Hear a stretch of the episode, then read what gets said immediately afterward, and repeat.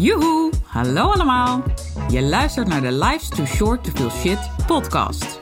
De podcast waarin ik alles met je deel over hoe ook jij een gezonde buik kunt hebben en houden.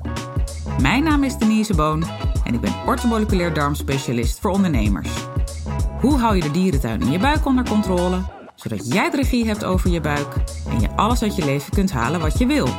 Zoals knallen met je business, met energie voor 10. Ik neem je mee op reis, want let's face it, life's too short to feel shit. Yes, aflevering 87 van de Life's Too Short to Feel Shit podcast. Leuk dat je luistert. Constant een opgejaagd gevoel hebben. Heel veel mensen hebben daar last van. En er wordt vaak alleen gedacht aan stress. Maar de vraag is of dat ook terecht is. In deze aflevering ga ik een aantal hoeken met je delen waar zo'n opgejaagd gevoel al zo al vandaan kan komen.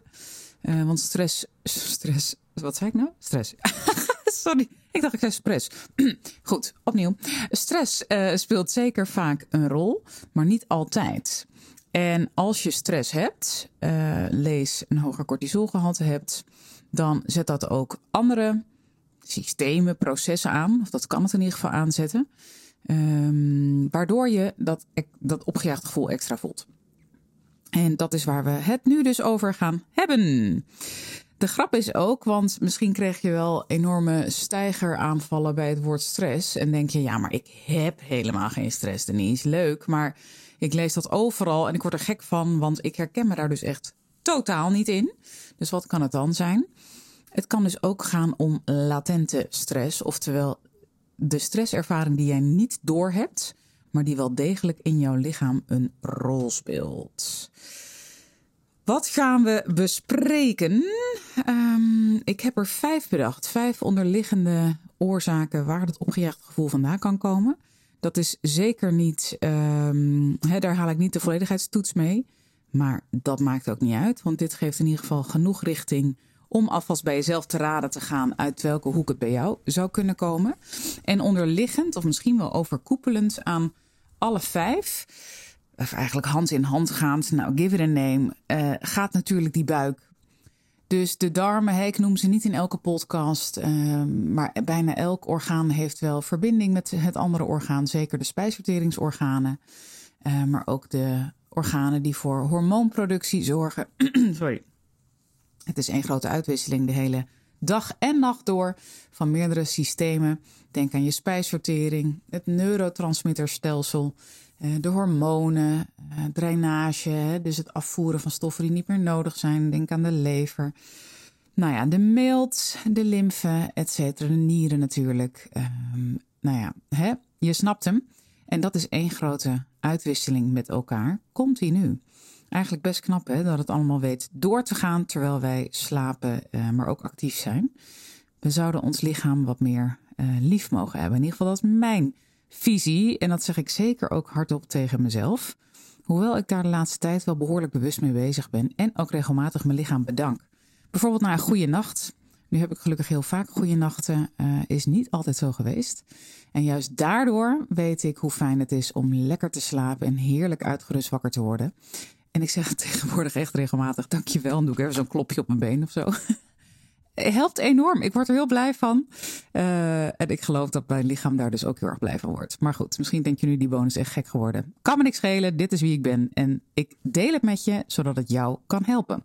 Misschien denk je wel, hé, hey, er zit best wel eens wat in. En zoals ik altijd zeg, uh, neem niets van me aan. Ga dingen proberen die in ieder geval bij jou resoneren en die goed voelen bij je. En ga eens kijken hoe jij erop reageert en of het voor jou zo werkt. We gaan over naar die vijf, want anders dan eh, is het één grote introductieverhaal en dat is niet de bedoeling. Nou, stress, ik noemde hem al met stip op één.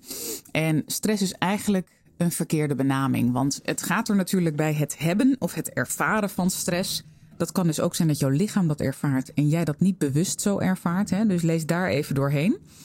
Maar het gaat bij het hebben van stress om uh, ja, het aanmaken van cortisol, wat er dan gebeurt. Adrenaline en cortisol, hè, dat is een beetje de volgorde waarin de stresshormonen worden aangemaakt. En cortisol is niets anders dan energie. Daar heb je me ook eerder wel eens over gehoord. Net als adrenaline. En adrenaline is heel vurig, letterlijk en figuurlijk. Dus daardoor kun je hè, als, als het ware exploderen. En dan bedoel ik mee in de positieve zin des woords dat je een explosieve sprint kan trekken als nodig. Uh, maar ook, uh, dat kan natuurlijk ook in de vorm van een vergadering of een, een hoe noem je dat, een presentatie zijn die je moet houden. Uh, maakt dat je heel erg op de toppen van je kunnen kunt presteren. Nou, zeker ook de sporters en de topsporters onder ons zullen dat herkennen.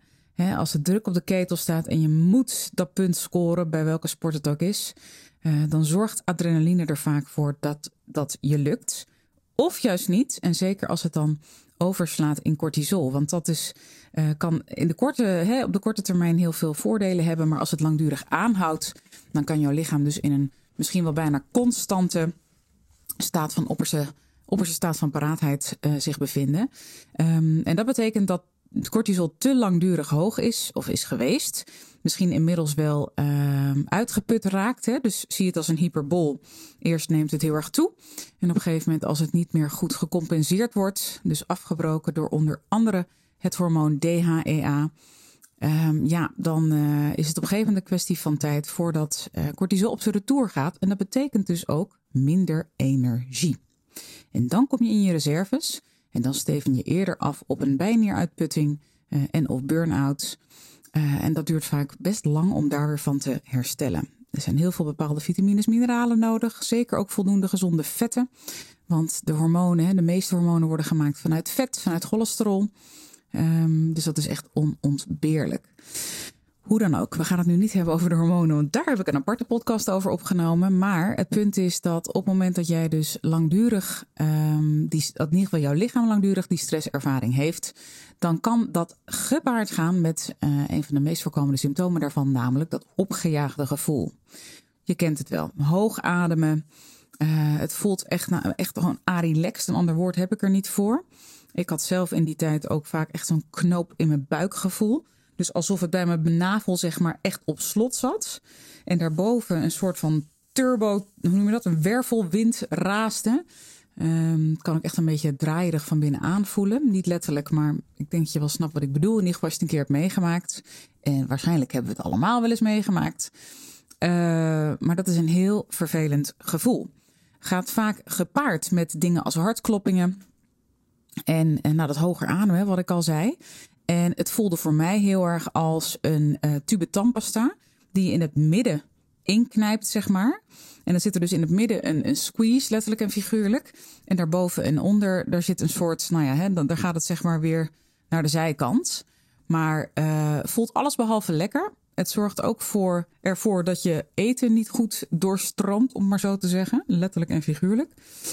Dus uh, het zorgt voor heel veel verstopping. Trouwens, wat dat betreft ook letterlijk, want dat zorgt ook eerder voor obstipatie. Daarover een andere keer meer. De stress is zeker, misschien wel met stip op één, eh, de nummer één oorzaak van een opgejaagd gevoel. Het is echter niet het enige waardoor je dit kunt krijgen. Eh, de tweede is uh, onvoldoende ontspanning. En als je altijd maar aanstaat, altijd maar doorgaat, ja, weet je, de boog kan niet altijd gespannen zijn. Dat is niet voor niets een bekend gezegde. Het is gewoon heel belangrijk dat als je inspant, dat je ook voldoende ontspant. En het ene lichaam kan dat veel beter vanuit zijn of haar natuur dan de ander. De ander moet echt gedwongen gaan um, ontspannen. Ik ken genoeg mensen die zes keer in de week sporten en die dat heerlijk vinden, die er ook goed op gaan, die ook goed uh, slapen. En zeker als ze ochtends of overdag sporten en niet s avonds. Daarover ook een andere podcast. De podcast, uh, daar heb ik sowieso een aparte podcast over opgenomen. Dus vind je dat interessant? Scroll even naar boven of naar beneden en kijk even uh, terug. Of luister even terug. Maar uh, er zijn ook lichamen die echt die ontspanning meer nodig hebben dan een ander. En ook daarbij weer, je hoort hem heel vaak zeggen. Neem niet alles voor waarheid aan dat alles maar voor iedereen geldt. Hè? Daar ben ik zelf groot voorstander van om daar heel sceptisch in te zijn. Ga kijken wat voor jou werkt. En dat is ook echt, leer de gebruiksaanwijzing van jouw eigen lijf zo goed mogelijk kennen. Um, en dat kan een leven lang duren voordat je erachter bent. Maar de meeste mensen, zeker mensen zoals jij en ik, die heel leergierig zijn en nieuwsgierig en meer willen weten over hoe dat lijf in elkaar zit, aldoende leert men. Dus als je dingen tot je neemt en kennis uh, je eigen maakt, dan gaat toepassen. Want dat zegt Michael Pilarczyk altijd, uh, oprichter van Meditation Moments. Ik ben erg fan van Meditation Moments. Heb daar trouwens geen aandelen in, dus nul belang om dat te promoten. Maar ik wil het toch even noemen, omdat ik het echt een fantastische app vind. Maar hij zegt altijd: alleen toegepaste kennis is van waarde. En daar ben ik het helemaal mee eens. Goed, terug naar het punt. Onvoldoende ontspanning. Op het moment dat jouw lichaam dat dus meer nodig heeft dan een ander. En let wel, elk lichaam heeft hè, zowel inspanning als ontspanning nodig. De vraag is hoeveel. Um, dan kan dat ook eerder leiden tot uh, een opgejaagd gevoel. En dat kan enerzijds te maken hebben met dat jouw lichaam op dat moment te veel cortisol of te veel adrenaline aanmaakt. Hè, punt waar we net als eerste bij stilstonden. Het kan ook zijn dat je uh, daardoor slechter slaapt en daardoor eerder dat opgejaagde gevoel uh, hebt. Maar goed, het gaat bijna altijd wel gepaard met een hormonale disbalans. En het kan ook zijn dat um, door die mindere ontspanning die je jezelf toelaat, dat daardoor de histaminemotor aangaat. En dat is trouwens ook, geldt ook bij stress, um, voor stress zo, hè, dat uh, cortisol ook histamine heel erg aan um, jakkert, aanjaagt. Dus daar zit zeker ook een, uh, een link. Dus die eerste drie hebben sowieso al veel met elkaar te maken, of kunnen in ieder geval met elkaar te maken hebben, want niet ieder lichaam heeft een histamine-intolerantie, dus te veel histamine in het lichaam op het moment dat de cortisol langduriger wordt aangemaakt. Tuurlijk, feitelijk is het zo dat histamine altijd meer geproduceerd wordt als cortisol hoog is. Uh, maar het ene lichaam, ook daarbij komt er zo'n mooi feedback systeem om de hoek kijken. Het ene lichaam kan dat veel beter weer afbreken, die cortisol. En dus ook die histamine dan het andere. En om het nog complexer te maken, sorry, maar ik ga het toch doen. Het kan ook nog zo zijn dat jouw lichaam beter de cortisol weet af te breken of goed de cortisol weet af te breken. Nogmaals, onder andere door het hormoon DHEA, maar minder goed de histamine en andersom. Volg je me nog? Histamine wordt, uh, of kan in ieder geval door vier enzymen worden aangemaakt. Eén van de vier is meetbaar in bloed, DAO, DAO. De andere drie niet. Um, en het is vaak ook een complexere puzzel, die afbraak. En het kan natuurlijk ook zijn dat er veel meer factoren bij jou een rol spelen die die histamine aanjaagt. Hè? Als de dierentuin is ontploft, hoor je me ook al vaker over. Ik noem even één beest, uh, zet ik even in de spotlight. Parasieten, zeer histamine bevorderend. Nou, dat helpt natuurlijk niet mee als je die ook nog op de achtergrond aanwezig hebt. Sterker nog, de aanwezigheid van zo'n beest kan ook de cortisol over de kling jagen. Dus hele interessante puzzel elke keer weer als iemand uh, bij me aanklopt voor één op één begeleiding. Ik vind het altijd oprecht heel leuk, want ik hou van puzzels leggen en analyses maken ben ik heel goed in. En vooral ook dat vertalen in lekentaal naar wat betekent dit nou en uh, wat kun je eraan doen. Maar het is wel elke keer weer een puzzel. En, uh, en dat vind ik ook zo mooi. Hè? Ja, gezondheid is geen wet van mede en persen. We gaan niet het boekje langs. Nee, ieder mens is anders. En dat is dus ook maar mooi ook. Maar de derde onderliggende oorzaak van zo'n opgejaagd gevoel kan dus echt zijn je histamine. Als die verhoogd is en je dus een histamine-intolerantie hebt, ja, dan is het zaak om te kijken wat veroorzaakt die verhoogde histaminewaarde. Zit het hem alleen in de aanmaak en dat die verhoogd is? Uh, bijvoorbeeld uit zo'n cortisolpiek. Of is er inderdaad nog zo'n beest te veel aanwezig? Nou, er zijn heel veel onderliggende oorzaken die die histamine kan aanjagen.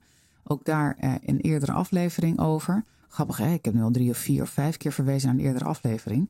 Dat heb je natuurlijk als je er al zoveel hebt opgenomen. Althans, ik vind het best veel, 87 waar we nu zijn. Ik blijf me verbazen over hoe hard het gaat. Um, en ik wil dat alleen maar aan je meegeven ter inspiratie. Hè. Er is nog heel veel wat je kunt beluisteren. Het kan dus ook liggen aan de afbraak van histamine. Dus stel voor dat, uh, nou meestal wordt er ook wel trouwens een aanwijsbare oorzaak gevonden waardoor die histamine meer toeneemt. Uh, dus echt de, de, de aanjagende factoren. Maar het kan dus ook zijn dat die afbraak niet goed verloopt. Nou, even een klein kijkje in de keuken. Voor het aanmaken van het enzym DAO, wat dus histamine onder andere afbreekt, is voldoende koper nodig. Ook andere spoorelementen, maar koper staat in de spotlight. Nou, stel voor, je, hebt, uh, jij neemt je voedingsstoffen minder goed op uit je voeding. Dat wordt voornamelijk in de darm gedaan. Uh, dan sta je al 2-0 achter. Stel voor, er zijn allerlei processen gaande in je lichaam waarbij er extra voedingsstoffen worden opgesoupeerd. En dat kan echt van alles zijn. Laten we maar even die stressbelasting noemen. dierentuin die is ontploft. Laat het heel even simpel houden, maar er zijn nog 180.000 andere oorzaken die dat kunnen veroorzaken. Uh, ja, dan blijft er weinig koper over voor bijvoorbeeld de aanmaak van DAO. Dus dan kan het zijn dat uh, het dus aan de afbraakkant ligt, of allebei. Dus dat je en factoren hebt die zorgen voor extra aanmaak van histamine.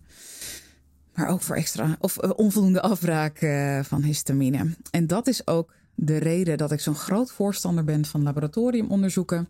Zeker als je, uh, nou, sommige mensen zijn echt ten einde raad van, oh, ik heb van alles geprobeerd. Heel veel dingen op mezelf geprobeerd, bij collega's geweest, aantal onderzoeken gedaan. Uh, kwam niks uit. Of er kwam wel wat uit, hebben we aangepakt, maar ik blijf toch klachten houden, hoor ik heel vaak. Lieve mensen, laat het onderzoeken door iemand die er verstand van heeft. En kijk daarbij zo breed mogelijk. En ik weet het, we zijn allemaal Nederlander. We willen het liever niet te veel betalen, ik snap het.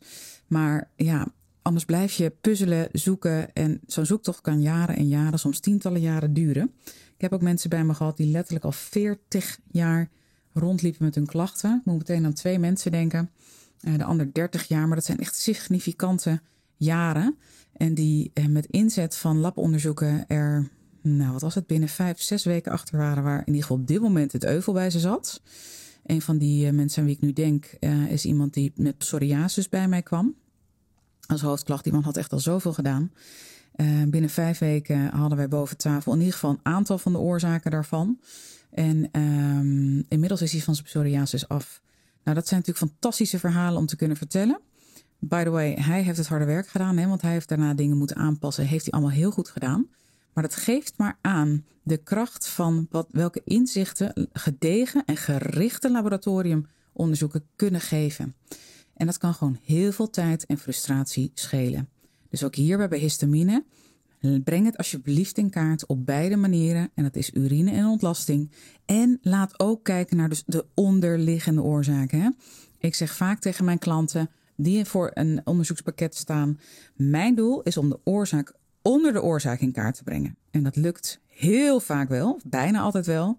Zeker niet altijd. Ik bedoel, ik ga niemand gouden bergen beloven. Absoluut niet. Hè? Gezondheid is maatwerk. Geen twee mensen zijn hetzelfde. En je zal net de uitzondering zijn. Maar eerlijkheid gebiedt ook te zeggen. Heel vaak komt er heel veel uit. Wat ook echt de klachten verklaart. En waarbij het dus echt lukt om de oorzaak onder de oorzaak in kaart te brengen.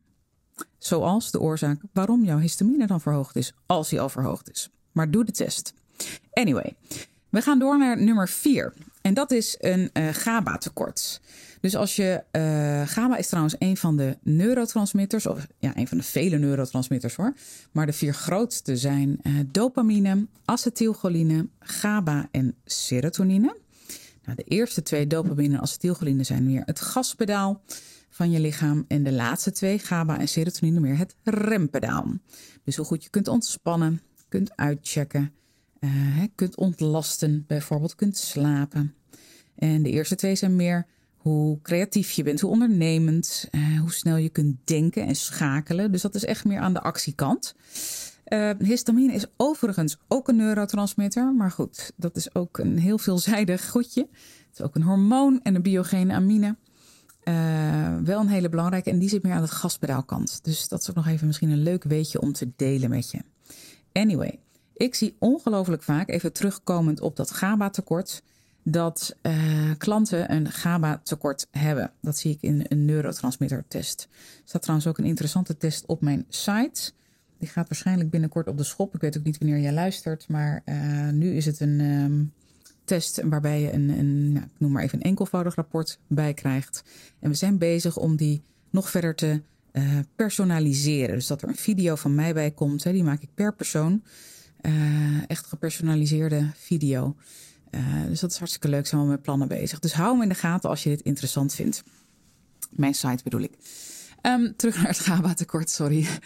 Uh, ik zie dus heel vaak dat veel van mijn klanten een GABA-tekort hebben. En als dat zo is, dan heb je sowieso al een korter lontje. Uh, slaap je ook minder goed. Want vaak heeft een slechte slaapkwaliteit ook misschien wel voornamelijk met GABA te maken. Niet altijd met serotonine. Hoewel melatonine wel van serotonine gemaakt wordt. Maar goed, ze zitten in elkaars verlengde. En heel vaak hebben mensen zowel GABA als een serotonine tekort. Eerlijkheid gebiedt me dat te zeggen.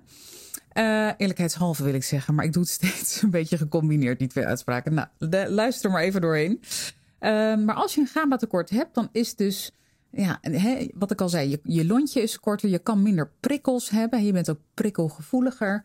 En alles wat dan binnenkomt, zowel eten is een prikkel, hè, drinken, maar ook uh, als je buurman tegen je staat te gillen omdat je net de kliko uh, 1 centimeter op zijn terrein hebt gezet, ik roep maar wat. Ja, dat kan je op dat moment ook eigenlijk totaal niet hebben. Of een huilende baby, terwijl je echt al helemaal door je reserves zit, nou, et cetera. Uh, en op zo'n moment kan zo'n opgejaagd gevoel ook eerder de kop doen opsteken. Tuurlijk zit ook hier weer mogelijk onderlinge uh, relaties hè, met de andere onderliggende oorzaken. Want tussen GABA en histamine zit ook een hele interessante link. Nou, die bewaar ik even voor een masterclass, want ik moet ook wel iets nog overhouden voor je in de masterclasses. En dat is ook echt iets waar ik dieper op inga, net als uh, bij de histamine masterclass. En die heb ik voor over een paar maanden gepland, dus uh, blijf me volgen. Dan hoor je alle updates en zorg ook dat je op mijn maillijst staat, et cetera. Dan krijg je het allemaal als eerste mee. Anyway, um, wat wil ik nou zeggen over die histamine? Oh ja, daar gaan we ook in met de histamine uh, masterclass. Of misschien in het programma doe ik dat, het online programma. Op uh, de receptoren op de cel van histamine. Nou, ik noemde net al die vier enzymen die histamine kunnen afbreken. Dus dan gaan we echt een soort deep dive doen. Moet ik wel uitkijken dat ik niet te ver doorsla in... Uh, met leuke medische termen, maar het wel ook voor de leek natuurlijk heel pragmatisch houden. Dus dat wordt een leuke uitdaging, maar dat komt helemaal goed, want daar hou ik van. En ik ga je ook om feedback vragen als je meedoet. Dus dat komt ook goed. Maar terug naar GABA-tekort. Er zit dus echt ook een link tussen GABA en histamine. Wat dus ook voor een deel in ieder geval verklaart waarom je dus dat opgejaagde gevoel kan krijgen. Bij ook een GABA-tekort. Los van wat ik je net al uh, uh, aan je meegaf. Nou, om hem af te maken als vijfde onderliggende oorzaak kan het ook zijn dat je schildklier van de leg is. Om maar even heel breed te noemen.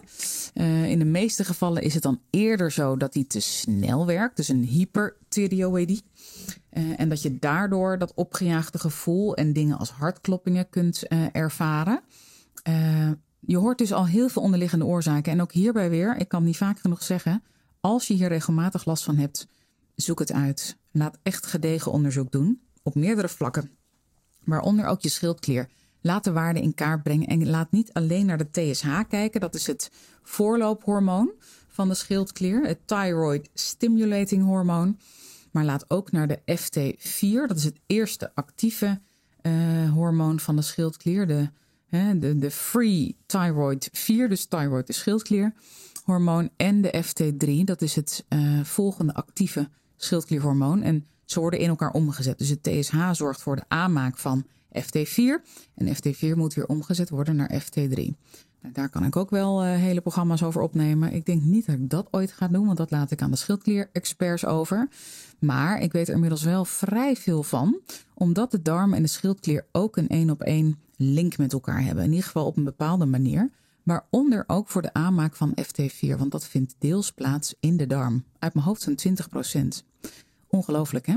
Het komt ook heel vaak voor dat schildklierpatiënten ook heel veel darmklachten hebben, niet voor niets. En andersom, dat heel veel mensen met darmproblemen ook schildklierproblemen hebben. En dat is ook waarom ik hem nu met je deel. Denk dus ook, als je langer of vaker last hebt van een opgejaagd gevoel, aan die schildklier. En laat hem goed in kaart brengen. Het allerliefst ook nog het vierde hormoon, de reverse T3. Uh, maar goed, in mijn ervaring uh, meten veel artsen dat niet. Maar therapeuten zoals ik, en zeker ook uh, gespecialiseerd in de schildklier, zeker wel. Uh, maar je moet, vind ik, minimaal naar de eerste vier hormonen kijken. Dus nog een keer de TSH, de FT4, de FT3 en de reverse T3. Antistoffen is echt niet altijd nodig.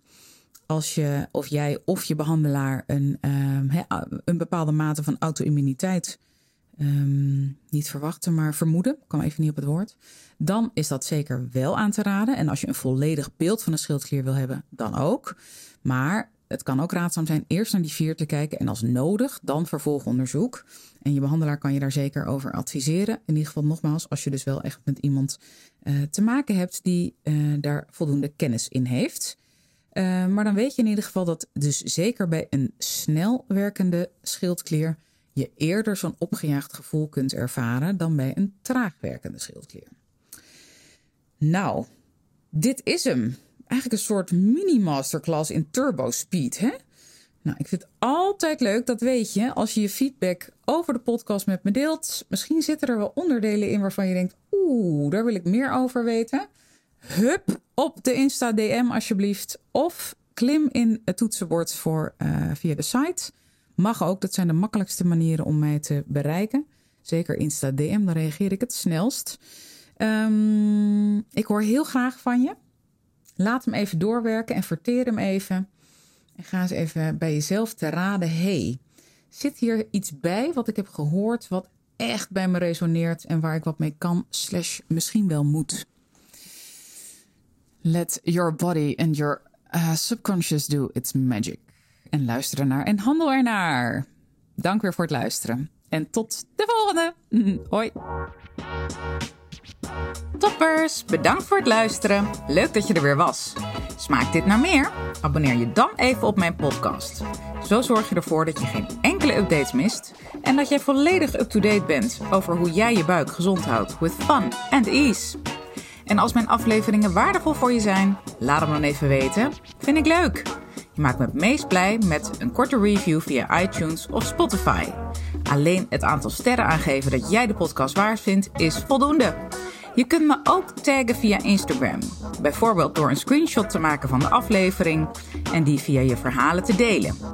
Met beide dingen, zowel de rating als de screenshot van de aflevering, maak jij kans op een histamine maandmenu kookboek ter waarde van 97 euro.